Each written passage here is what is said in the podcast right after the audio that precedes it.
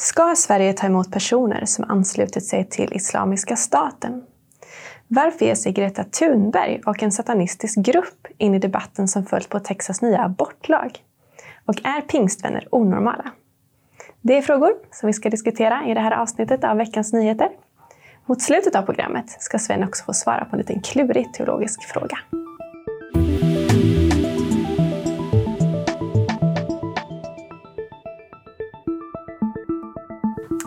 Varmt välkomna till det här avsnittet av veckans nyheter med mig Sara Andersson och bibelläraren och ledarskribenten Sven Almqvist.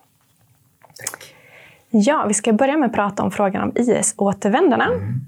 I veckan kom ju tre kvinnor och deras barn till Arlanda efter att ha suttit i fångläger i Syrien. Mm.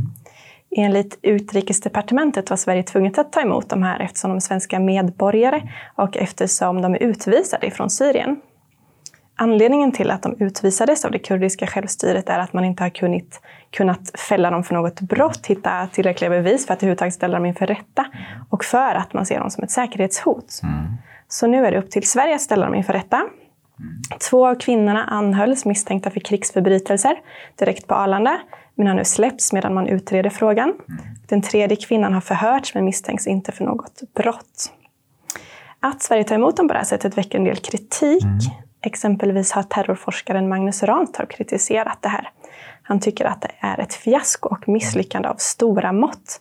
Han är främst kritisk till att de släpps fria då och han menar att de är ett säkerhetshot för att de fortfarande har den här ideologin många gånger och för att de fortfarande arbetar för ett kalifat. Mm. Vad säger du om den här saken? Rätt eller fel att ta emot de här? Alltså det är komplext, va? men samtidigt är det ju så här att eh, de blev ju frisläppta av de kurdiska självstyret, eller, eller ivägsända. Eh, av det enkla anledningen att man inte kunde finna tillräckliga bevis, om jag fattade rätt då. Eh, och de är ju svenska medborgare, va? alltså med, med barn. Så att, alltså jag tror inte Sverige har något annat val än att ta emot sina egna medborgare, även om de har terroriståsikter. Alltså. Eh, mm. Så att, det här är långt ifrån de enda som har tagits emot. Av de 300 personer ungefär som har rest ner så är det ungefär hälften som har kommit tillbaka. Mm. Hur stor risk tror du det är att någon av de här begår ett terrorattentat? Det finns ju självklart risk eh, att, att de gör det och därför måste man, de ju bevakas. Va? Men i Sverige döms man enligt lag, va? så man, måste liksom, man kan ju inte lagföra någon för en idé. Man måste lagföra någon för ett brott. Eh, eh, så att om brott föreligger och det går att bevisa, då ska de ju självklart dömas. Va? Och, så, så, det är ju så här med, med, med, olika idéer. En jihadistisk idé, eh, en terroridé, den övervinner man faktiskt inte eh, med, med, hot. Man övervinner det med en ännu bättre idé. Och det är det här som evangeliumet, som vi tror på, som jag tror på, eh, är så starkt. Va? Alltså, kärlek är starkare än hat. Va? Så, så att det, det, tror jag är den rätta modellen. Men det är komplext, alltså. visst är det så? Mm. Men vad tycker du att Sverige som land kunde ha gjort? Kunde vi ha gjort något tidigare? Ja, men det är det vi har kunnat gjort. Va? Alltså själva, alltså det här med att eh, kriminalisera terrorresor kom ju först, eller kom 1 april 2016. Men Staffan Danielsson, dåvarande Centerpartiet, hade lagt fram en motion om det redan 2013. Och även eh, Richard Jomshof från SD gjorde det 2013. Men det avslogs ju ifrån justitieutskottet med Morgan Johansson, sen eh, Socialdemokraterna, som var ordförande då. Och även då Mikael Oscarsson la fram en liknande motion 2014. Och de flesta så att säga, som reste ut på de här terrorresorna reste innan 2016. Så att, och det var liksom inte olagligt per se då att göra det. Nu är det ju förbjudet och nu har, finns det ju lagstadga för att döma, men det gjorde inte det då. Och man kan inte döma retroaktivt. Alltså. Det, om jag åker en väg med 70 kilometer eh, eh, och sen så ändrar man det till 50, då kan jag ju inte dömas i efterskott för att jag åkte rätt när jag åkte. Så jag tycker det är senfärdigt, återigen. Va? Mm. Och en naivitet tycker jag här, när det gäller just radikalisering, islamsk radikalisering. Va? Här behöver vi vara mycket mer alerta. Mm. Vad kan vi göra nu då? Man får bevaka dem. Och det är ju resurskrävande. Eh, och så får man ju så att säga ha, ha det man kan för att skapa nya idéer i deras eh, sinnen. Mm. Ja, vi ska byta ämne. Och då handlar det om Texas nya abortlag. Mm. De har nämligen infört en lag som innebär att foster ska skyddas från med graviditetsvecka 6. Mm. Vilket är den vecka då läkare brukar kunna uppfatta hjärtslag. Mm. Den här lagen är lite speciell för att det inte är myndigheter som ska se till att den efterlevs utan privatpersoner och organisationer som kan stämma personer som eh, bidrar till att en kvinna gör abort efter den här gränsen. Och det har lett till att USAs högsta domstol inte har försökt stoppa lagen, trots att den enligt många anses strida mot den nationella lagstiftningen, eller rättare sagt domslutet i det prejudicerande beslutet som kallas för Roe vs Wade som kom 1973 och slår fast att kvinnor i USA har rätt till abort. Oavsett det här så har det lett till en kritikstorm. USAs president Joe Biden är en som kritiserade. Företag har försökt stoppa det hela. Och nu också en satanistisk grupp, som dock inte säger sig tro på Satan, men ändå, eh, manar till kamp mot den här lagstiftningen. Och även i Sverige väcker den reaktioner.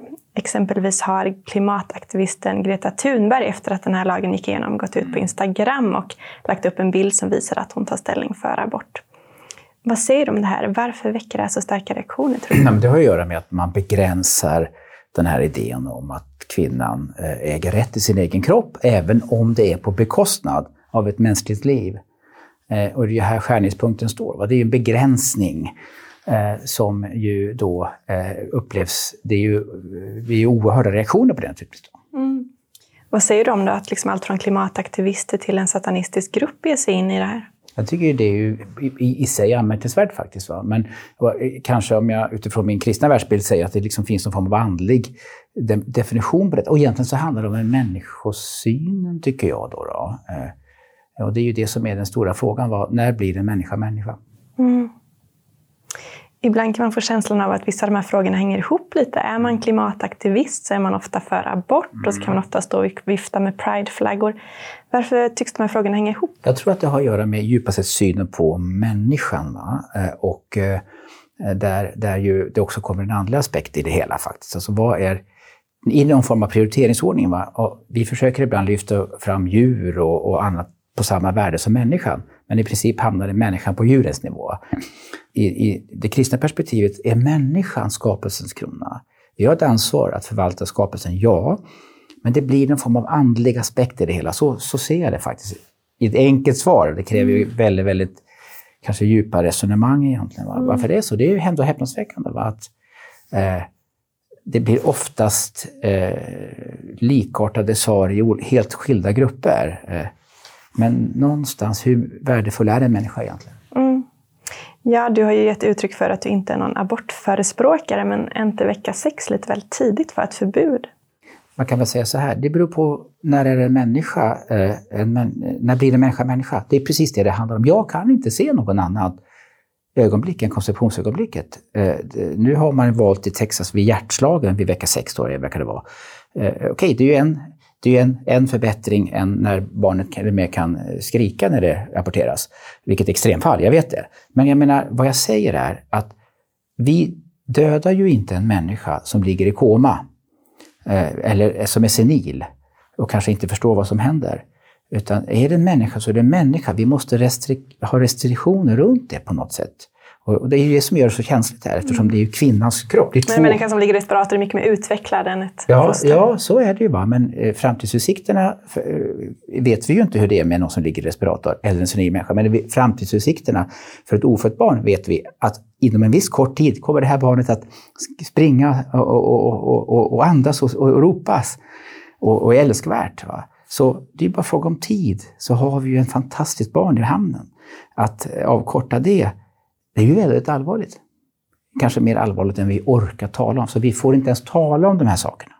Så känsligt är det ju. Mm. Vi ska byta ämne. Mm. Och då handlar det om hur frikyrkliga personer beskrivs i samhällsdebatten. I en recension i Dagens Nyheter så hyllade skribenten Åseberg Anna Lindmans bok om Knutby. Hon var dock kritisk till en sak. Hon tyckte nämligen att Anna Lindman normaliserar pingstvänner. Vad säger du om det här att hon använder det uttrycket normalisera pingstvänner? Alltså, det är så okunnigt. Va? Det är en o, nästan infantil åsikt. Alltså. Alltså, hon vet ju inte vad hon pratar om här. Va? Eh, återigen så, så, eh, så är det liksom fördomar eh, eh, och man har någon form av nidbild. Man vet ju inte vad man pratar om. Va? Eh, så att, eh, vi har ju flera riksdagsledamöter som de facto eh, är med i olika frikyrkor, pingkyrkor också skulle jag vilja säga, eller, eller vissa karismatiska kyrkor. Så att, nej, men det är ju... Är de normala då, de Eh, personerna? Alltså, vem är normal?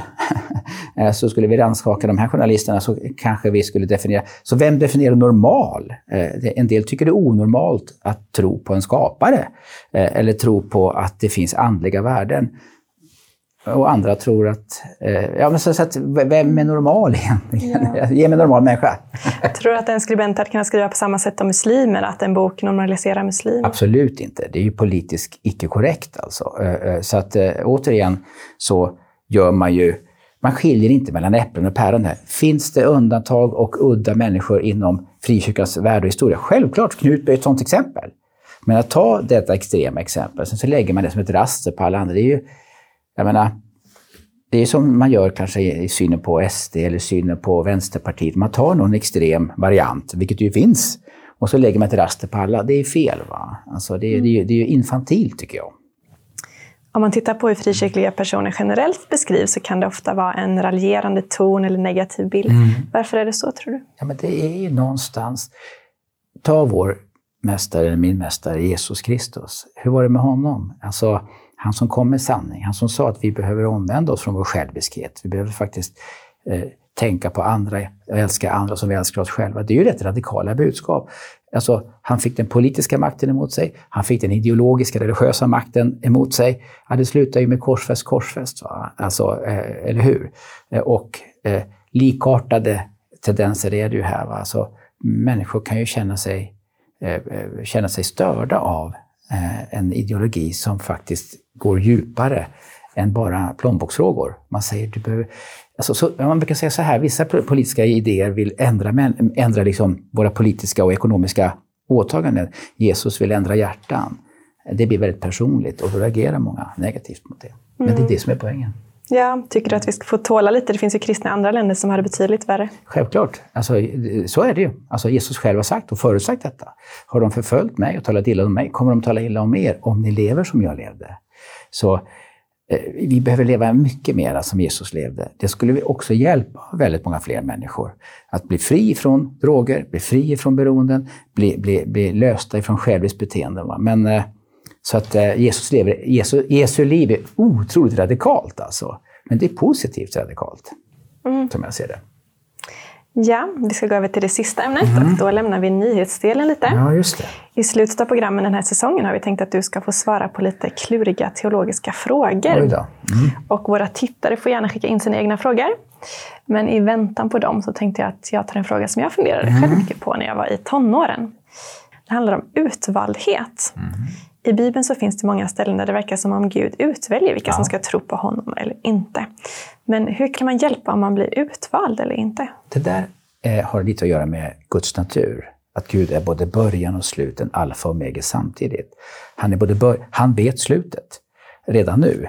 Det betyder inte att han är ansvarig för varje enskild människas val, men han vet Nej, det. men att han vet vilka som väljer honom är inte riktigt samma sak som att han väljer, tycker jag. Nej, och det är precis det jag säger. Därför att han, han vet det.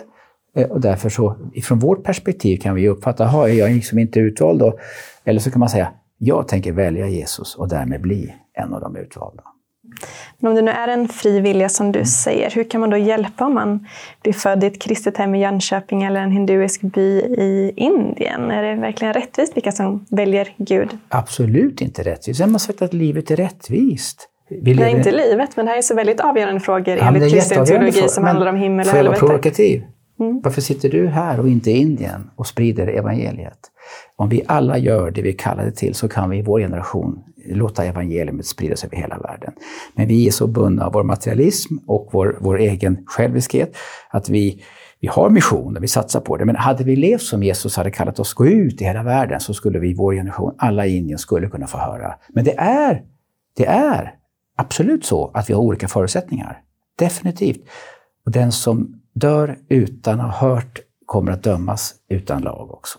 Så det enda vi kan förtrösta på är att Gud kommer att döma rättvist. Men så fort du och jag ska spela Gud så blir det problem. Jag vill inte att du ska döma mig, Sara. Jag, jag, det, det får. Gud göra. Men vill inte Gud ge alla samma chans? Det är därför han sänder ut oss över hela världen, att predika om Jesus. Så det är upp till oss. Gör vi det han säger så skulle vi kunna missionera och evangelisera världen på mycket kort tid. Mm. Vi får kanske fortsätta det här samtalet mm, någon annan gång. Det landar i oss själva och det är jobbigt. va? Det är mycket lättare att låta andra få lösa problemen, eller hur? Mm. och det gäller mig också. Jag säger dig nu, men det gäller självklart mig också. Varför sitter jag här med, med, med en kopp kaffe i mys en mysig studio? Varför är jag inte ute i Afghanistan, till exempel? Och det, det, det är en svår fråga, tycker jag. Ja, programtiden är slut. Mm. Tack så mycket Sven Almqvist. Tack. Och tack till er som har tittat. Skicka gärna in om ni har teologiska frågor som ni vill ha svar på eller nyheter som ni tycker att vi ska ta upp. Ha det så bra!